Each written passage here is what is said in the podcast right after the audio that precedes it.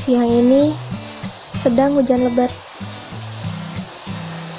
Seketika membuat aku teringat akan satu memori yang bisa dibilang manis.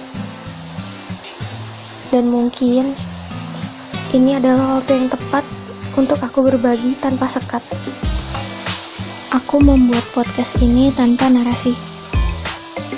Semua yang kusampaikan di sini adalah hasil ingatan baik dan indah pada masanya. Tepatnya sebelum aku menyadari kalau ternyata semua itu bodoh. Saat itu, sesederhana aku yang hampir setiap hari menghabiskan waktu untuk rutinitas menuntut ilmu di sisa hari menjelang malam bertemu dengan ragam manusia ajaib yang disebut kawan, menciptakan kesenangan, melupakan lelah dan mengesampingkan beban. Begitupun saat aku pertama kalinya melihat dia, si laki-laki kaku itu. Rasanya malah lebih-lebih. Ada sesuatu di sebelah kiri rusuk bagian atas tubuhku bertalu-talu dengan kencang. Sejak itu, langkah untuk menjalani rutinitas menuntaskan hari-hariku sangat ringan. Karena ingin segera melihat dia, si laki-laki kaku yang sedang duduk di sana. Dengan dandanan rapi kemeja, celana kain, dan sepatu pantofel tegasnya. Bicaraku terbatas dengannya Sungguh benar-benar seperlunya dan bahkan sebentar. Karena malu, takut terdengar olehnya kalau sebenarnya ada suara hatiku yang bersorai dengan senang. Pernah di beberapa kesempatan yang amat baik datang, membuat jarak yang tadinya jauh berseberangan bermeter-meter menjadi sangat dekat, hingga tinggal beberapa sentimeter. Ya Tuhan, Lancangkah aku sampai bisa menghirup aroma parfumnya sekarang? Dilihat lebih dekat seperti ini, dia itu tinggi semampai.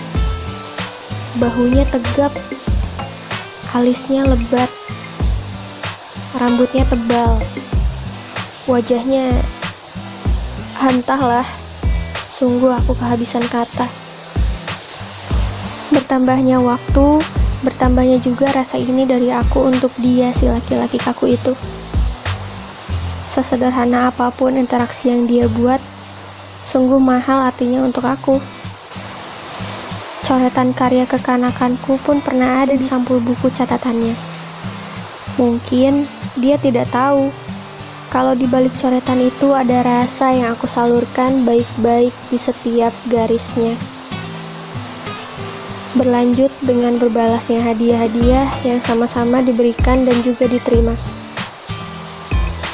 Begitupun dengan berbalasnya kabar, cerita, sampai keluh kesah dan upaya menenangkan saat salah satunya sedang merasa tidak baik-baik saja. Kupikir memang semua ini sudah tepat berada di jalurnya. Berjalan lancar, meski tidak tahu namanya apa. Yang penting, saat itu aku merasa sudah sama-sama saling. Tapi ternyata tidak. Ada hal rancu di dalamnya. Ada yang tidak dibiarkan jelas di dalamnya. Sampai itu terkuak dan aku simpulkan sendiri. Tidak pernah ada saling. Ternyata hanya aku. Sudah lebih dari cukup kalau kenyataannya selama hampir 6 semester belakangan, aku mengisi rasa asing ini untuk seseorang yang hanya menerima, tapi bukan untuk mewadahi semuanya. Pada akhirnya, sekalipun aku merasa sangat kecewa dan amat risau, tapi semua itu atas dasar kebodohanku sendiri. Mengakhiri yang tanpa ada mulainya. Tidak apa. Untuk kamu, si laki-laki kaku, aku ingin berterima kasih karena sudah sempat datang. Tentunya ini memang cara Tuhan yang sama sekali tidak bisa ditentang. Klise memang. Berujung tanpa jalan dan bukan sebuah kebetulan.